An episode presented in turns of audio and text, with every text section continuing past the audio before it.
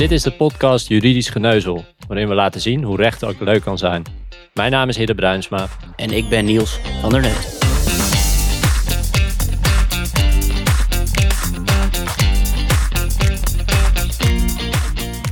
Welkom allemaal bij aflevering 11 alweer van Juridisch Geneuzel. Vandaag gaan we het hebben over privacy op de werkvloer. Maar voordat we naar een nieuwe parel uit het uh, onuitputtelijke rare verhalenarchief van Niels gaan luisteren, nog even de huishoudelijke mededeling dat het stellen van arbeidsrechtelijke vragen nog steeds mogelijk is via vragen.juridischgeneuzel.nl. Nou Niels, ik zou zeggen, ga je gang met een nieuw mooi raar verhaal. Ja, het gaat over een eh, werknemer bij een tankstation. En in het huishoudelijk reglement is een rookverbod opgenomen met ontslag op staande voeten als consequentie. Nou, deze werknemer wordt betrapt op roken en er volgt een waarschuwing. Nou, je raadt het natuurlijk al. Deze werknemer rookt een tijdje later weer. En de manager komt precies op dat moment aanrijden. De werknemer heeft dit door, gooit snel zijn sigaret weg en loopt naar binnen. Nou, de manager raapt deze sigaret op, confronteert de werknemer ook met de sigaret en die zegt doodleuk dat de sigaret van stratenmakers is. Nou, dit confrontatiemoment staat ook op camerabeelden, maar daaruit kan niet zoveel worden afgeleid, dus het roken zelf staat er niet op. Nou, de werkgever ontslaat de werknemer alsnog op staande voet en wil een DNA-onderzoek uitvoeren door een bedrijfsarts. En de werknemer werkt hier aan mee en dat hij, hij misschien ja, beter niet kunnen doen. Want ja, je raadt het, hè, het is een match. En vervolgens uh, wordt het ontslag op staande voeten ook uh, terecht gegeven. Roken bij een tankstation, het is wel dat ik me dan afvraag waar iemands hersenen zitten. Want het lijkt me niet, lijkt me niet heel veilig.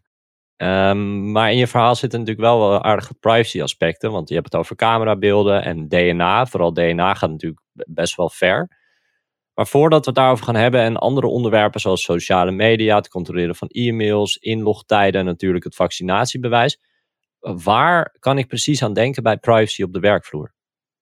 Ja, misschien is het wel goed om meteen te benadrukken dat een werknemer dezelfde privacy heeft als iedere burger of consument. En dat zie je ook terug in de jurisprudentie van het Europees Hof voor de Rechten van de Mens, waarin telkens wordt overwogen dat het recht op een privéleven ook op de werkvloer geldt dus het, Hof bepaalde dat werknemers een belang hebben om onder werktijd relaties met andere mensen aan te gaan. Dat telefoneren en het versturen van e-mails vanaf de werkplek ook valt onder privéleven. En als eenmaal is vastgesteld dat een bepaalde gedraging onder het begrip privéleven valt, is eigenlijk ook snel sprake van inmenging in het privéleven. Ja, dus iedereen heeft recht op respect voor zijn privéleven. En eh, ik heb natuurlijk een master uh, internet, intellectueel eigendom en ICT gedaan. En ik moet zeggen dat er niet heel veel is blijven hangen. Um, maar wel dat onder het respect op iemands privéleven ook de bescherming van persoonsgegevens valt. En dat is natuurlijk belangrijk omdat het een uh, grondrecht van de werknemer is. En ook omdat persoonsgegevens veel waard zijn in verband met big data analyses. Um, hoe groot is nou de rol van de AVG als we het hebben over uh, privacy op de werkvloer? Nou, die kan een grote rol spelen. Daarvoor is wel vereist dat persoonsgegevens worden verwerkt. Hè, want eerder komt de AVG niet om de hoek kijken.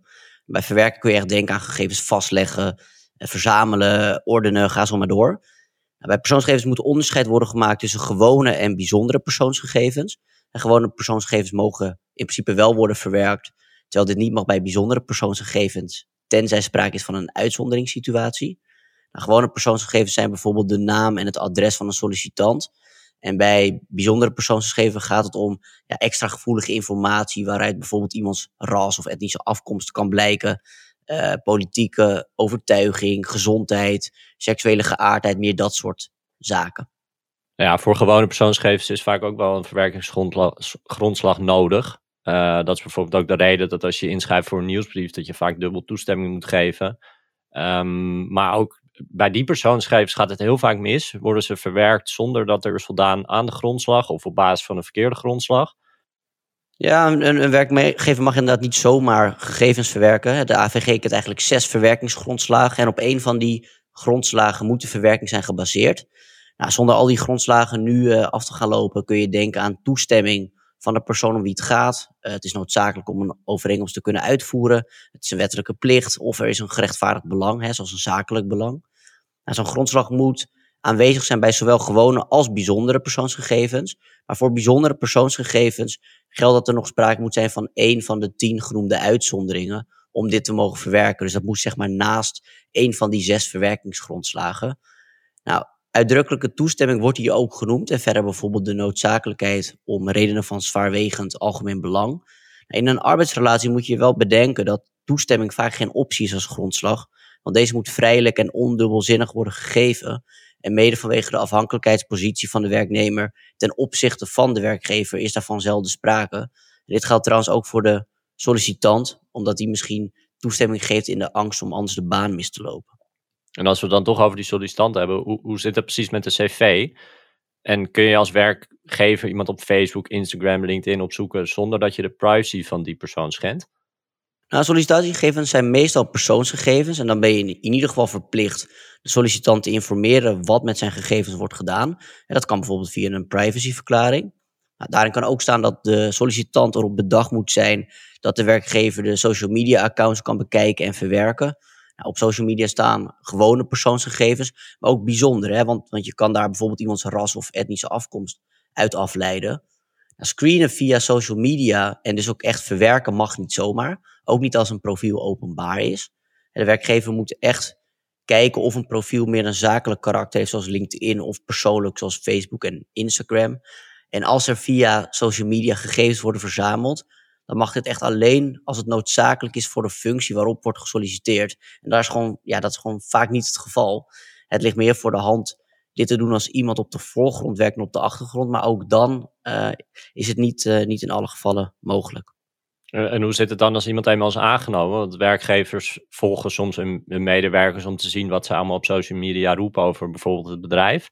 En op zich snap ik zo'n werkgever wel, maar dat lijkt me niet helemaal AVG-proof, toch? Nee, in veel gevallen zal dat niet, uh, niet mogen. Een werknemer heeft zowel het recht op privacy als het recht op vrijheid van meningsuiting. En ja, een werknemer volgen of zijn openbare profiel bekijken mag alleen als daar een goede reden voor is. En dit kan als de werkgever heeft opgevangen of een klacht heeft gekregen dat een werknemer een collega bijvoorbeeld discrimineert op social media. En bij een dergelijk vermoeden mag hij dan het profiel bekijken. En ja, wat sowieso voor werkgevers is aan te raden in, in dit verband is het voeren van een sociale mediacode waarin staat wat van werknemers in dit kader ja, wordt verwacht. We hebben het nu al een paar keer gehad over wat wel en niet mag. Misschien is het wel leuk om het even te hebben over wat een werknemer nou kan doen als hij denkt dat zijn privacy wordt geschonden. Hierover spraken wij namelijk met Vita Zwaan. Zij senior counsel bij bureau Brandijs. En wij stelden haar de vraag, wat kan een werknemer allemaal doen als hij klachten heeft over de privacy op de werkvloer? En zij antwoordde hierop als volgt. Op grond van de AVG hebben mensen van wie persoonsgegevens worden verwerkt bepaalde rechten ten opzichte van de organisatie die die persoonsgegevens gebruikt. Die rechten gelden ook voor werknemers van wie door de werkgever persoonsgegevens worden gebruikt. Werknemers moeten ook worden geïnformeerd over deze rechten door de werkgever. Een bekend recht onder de AVG is bijvoorbeeld het recht op inzage. Dat houdt in dat de werknemer zijn werkgever kan verzoeken een kopie te geven van alle persoonsgegevens die de werkgever van de werknemer verwerkt. Daarbij moet ook aanvullende informatie worden verstrekt, zoals de doeleinden waarvoor de gegevens worden gebruikt, hoe lang ze worden bewaard en aan welke andere partijen de gegevens zijn doorgegeven door de werkgever. Belangrijk is dat het voor het recht op inzage niet uitmaakt of de werknemer de gegevens zelf ook al heeft. Het gaat er juist om dat hij inzage krijgt in welke gegevens de werkgever heeft, zodat hij kan nagaan of die gegevens rechtmatig worden verwerkt. Naast het recht op inzage heeft de werknemer nog een aantal andere rechten op grond van de AVG, zoals het recht op rectificatie van onjuiste gegevens en het recht om onder bepaalde omstandigheden de werkgever te vragen om bepaalde gegevens te wissen. Bijvoorbeeld als die gegevens niet meer nodig zijn voor de werkgever. Ook kan de werknemer de werkgever vragen het gebruik van zijn persoonsgegevens te bevriezen. Deze gegevens mogen dan alleen nog worden opgeslagen voor de werknemer, maar niet meer worden gebruikt door de werkgever zonder zijn toestemming. Dit recht kan bijvoorbeeld worden ingeroepen als de werknemer wil nagaan of de werkgever wel in overeenstemming met de AVG handelt. Verder kan de werknemer de werkgever vragen om zijn gegevens in een bepaald formaat aan te leveren, zodat de werknemer die weer aan een andere partij kan verstrekken.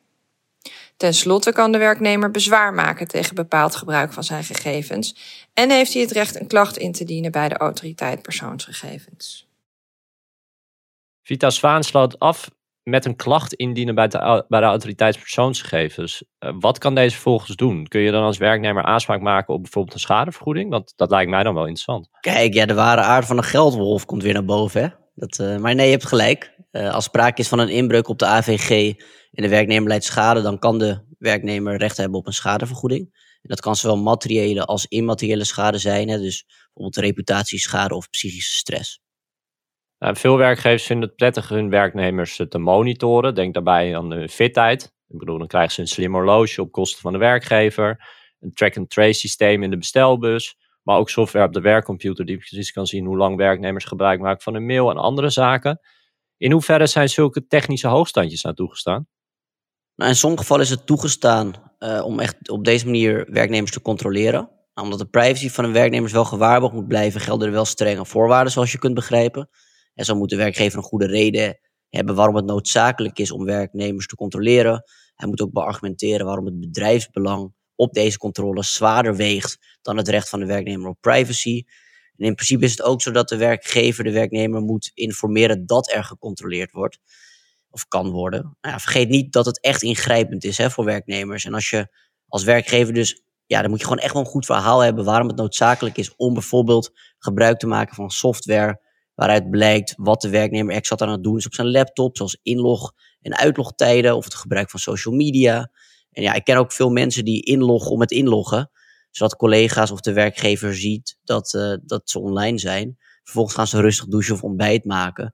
En om niet de helft van mijn vrienden kwijt te raken, denk ik dat het beter is dat ik mijn mond houd over wie dit allemaal gaat. Maar ik vind het altijd wel grappig om uh, te horen. Ja, ik ken die mensen inderdaad ook wel, maar laten we geen namen noemen.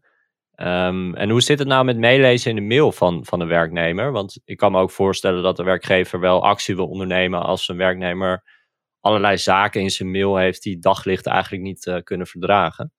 Ja, bij e-mail, en dat geldt eigenlijk ook voor internet en telefoon, kan werk en privé natuurlijk heel snel door elkaar lopen.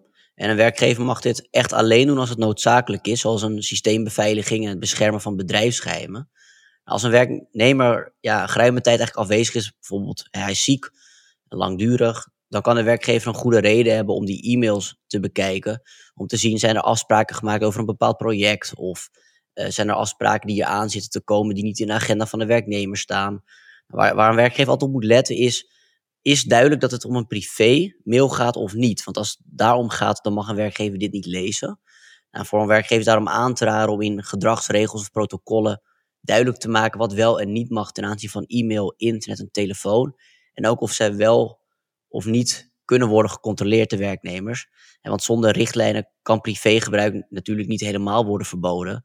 Maar dat is natuurlijk geen vrijbrief voor werknemers om ongepaste of illegale dingen op internet te bekijken.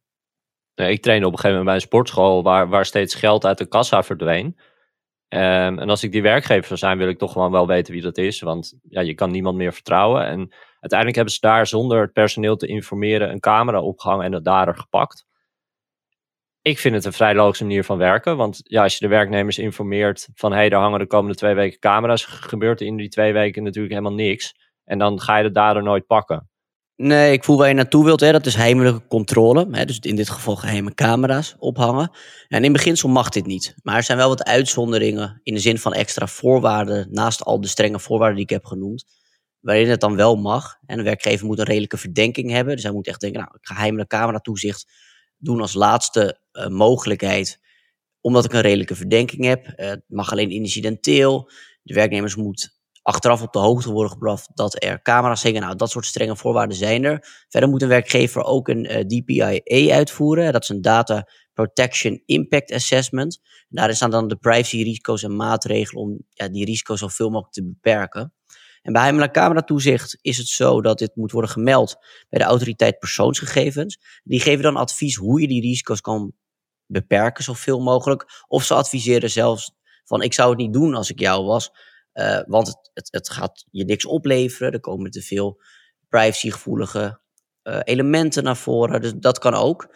En vergeet trouwens niet dat camera toezicht bijvoorbeeld niet mag op een wc. Hè? Dus nou ja, bij jou ging het om, om geld uit de kassa. Zorg er dan ook voor dat die camera's ook echt gericht zijn alleen op de kassa's. En ook geluidsopnames mag dan in principe niet. Want je hebt al voldoende aan de opnames zelf. Dus je moet echt zo weinig mogelijk inzetten om het resultaat eigenlijk te bereiken. Maar wat nou als ik een eigenwijze werkgever ben en ik, ik voldoe eigenlijk niet aan al die eisen die jij net noemde. Maar ik heb toch camera's opgehangen. En ik vind de persoon die geld uit de kassa steelt. Mag ik dan die beelden inzetten om die persoon te ontslaan? Ja, eigenwijs ben je zeker, maar ja, nee, dit soort situaties komen natuurlijk regelmatig voor. En in dit soort gevallen geldt dat onrechtmatig verkregen bewijs in beginsel toelaatbaar is in procedures. Nou, dit is slechts anders indien bijzondere omstandigheden daartoe eigenlijk aanleiding geven. Nou, er staat me iets van bij dat er een zaak is geweest over DNA-onderzoek. Een andere dan uh, in het rare verhaal aan het begin. Uh, maar verder wordt het bewijs eigenlijk altijd wel toegelaten. En de Hoge Raad heeft hierover overwogen dat het algemeen belang dat de waarheid aan het licht komt en de partijen hun stellingen aannemelijk kunnen maken, in principe zwaarder weegt dan de privacy van de werknemer.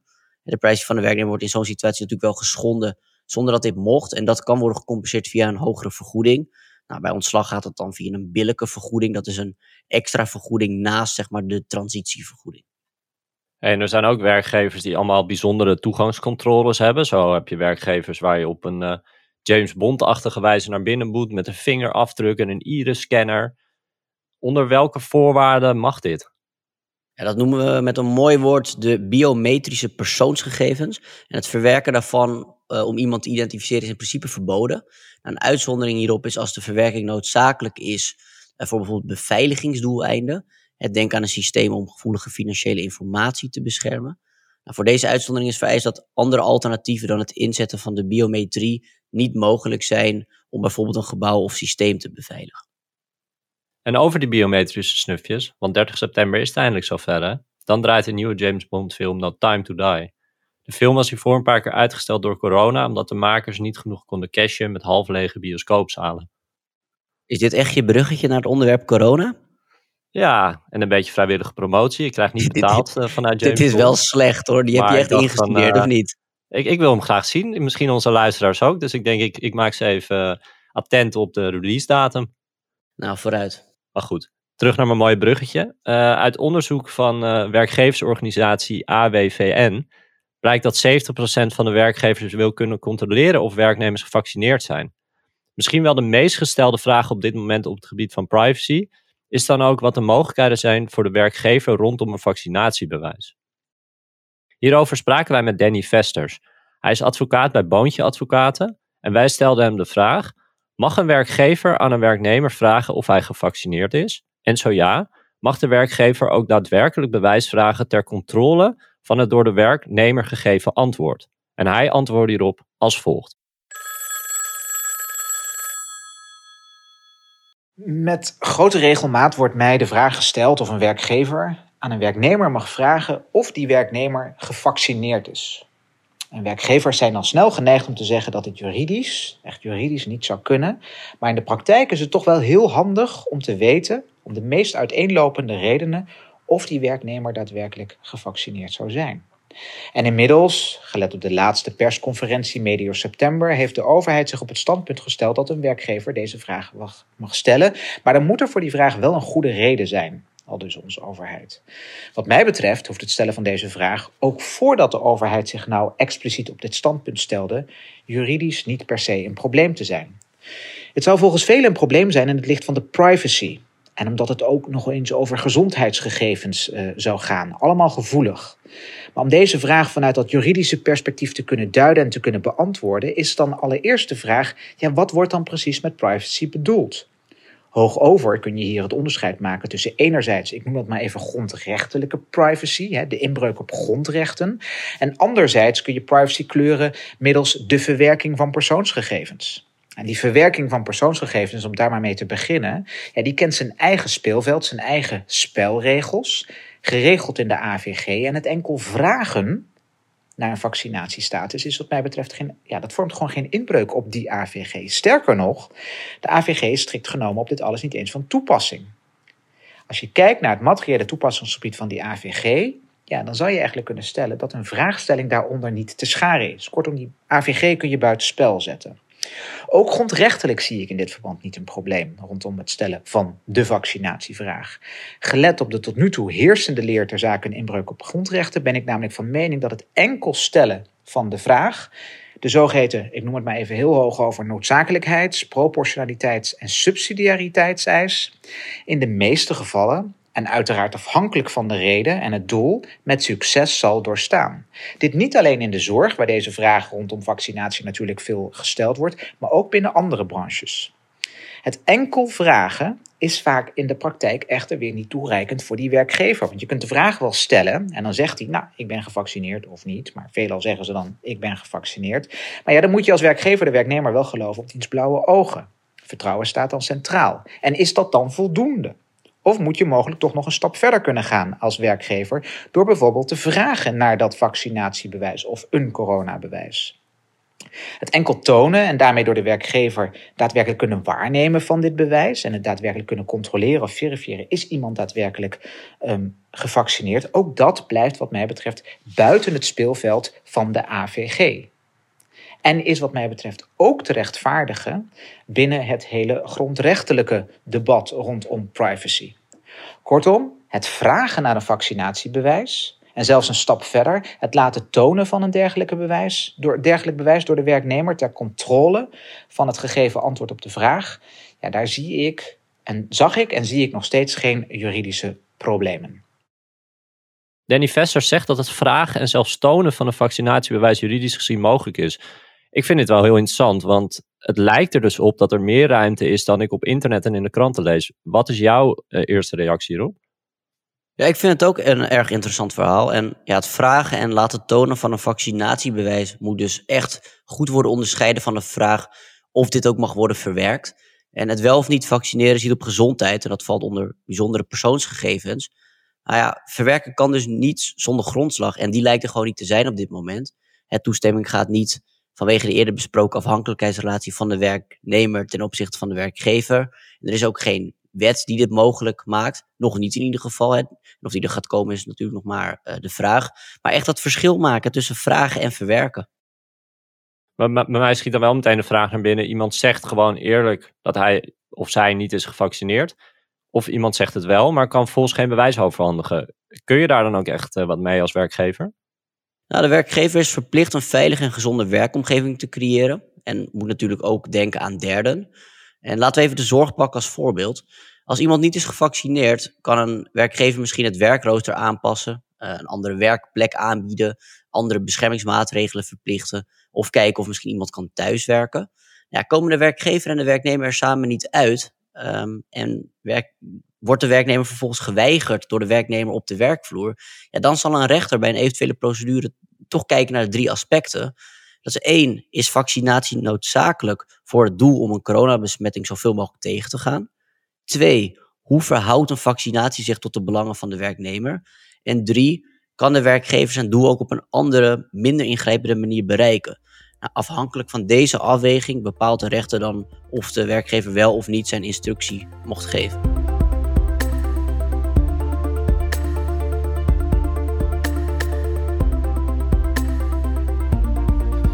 En dan nu nog even graag aandacht voor. Ja, Prinsjesdag is natuurlijk geweest en uh, ja, de miljoenennota komt eruit, het geld wordt verdeeld. En ja, de autoriteit persoonsgegevens zette eigenlijk in om wat meer geld. Ze wilden 100 miljoen krijgen. Ze hebben 25 miljoen gekregen, hetzelfde als wat ze afgelopen jaar hadden. En ja, dat is gewoon te weinig. En ik wil daarvoor aandacht voor vragen, want dat kan eigenlijk niet. Uh, WhatsApp heeft een boete gekregen. TikTok, daar is nu een rechtszaak tegen aangespannen. En het is gewoon zonder dat alleen op dit moment, omdat ze gewoon te weinig geld hebben voor wat er allemaal misgaat op privacygebied, kunnen ze alleen de grote jongens zeg maar aanpakken. En ja, ik wil je toch aandacht voor vragen om, uh, om te laten zien dat wij hier echt tegen zijn, dat er gewoon echt meer geld naartoe moet. Om ervoor te zorgen dat uh, volgend jaar meer bedrijven eigenlijk kunnen worden aangesproken op het voeren van een uh, goed privacybeleid. Voordat we afsluiten, heb jij natuurlijk weer een tip, Niels. En wat is nou jouw tip over privacy? Ja, Vita Zwaan heeft zich al gericht op de werknemers, dus mijn tip is meer richting de werkgever. Ik zal zeggen, zorg ervoor dat je vooraf duidelijk en transparant communiceert over wat er wordt gedaan met de gegevens van de werknemers en ook de sollicitanten. Als een werkgever van tevoren goed nadenkt over wat en waarom hij informatie wil hebben en dat ook goed vastlegt, is de kans groter dat sprake is van een rechtvaardiging voor de gegevensverwerker. Dus met andere woorden, een goed en kritisch opgestelde privacyverklaring scheelt een hoop gedoe achteraf. Nou, dat is een tip die ik alleen maar kan onderschrijven. En daarmee komen we aan het einde van deze elfde aflevering. Ik wil graag Vita Zwaan en Danny Vesters bedanken voor het inbellen. Jij bedankt voor het luisteren. Als je ons nog niet volgt op Instagram zou ik zeggen, doe dat. En tot de volgende keer.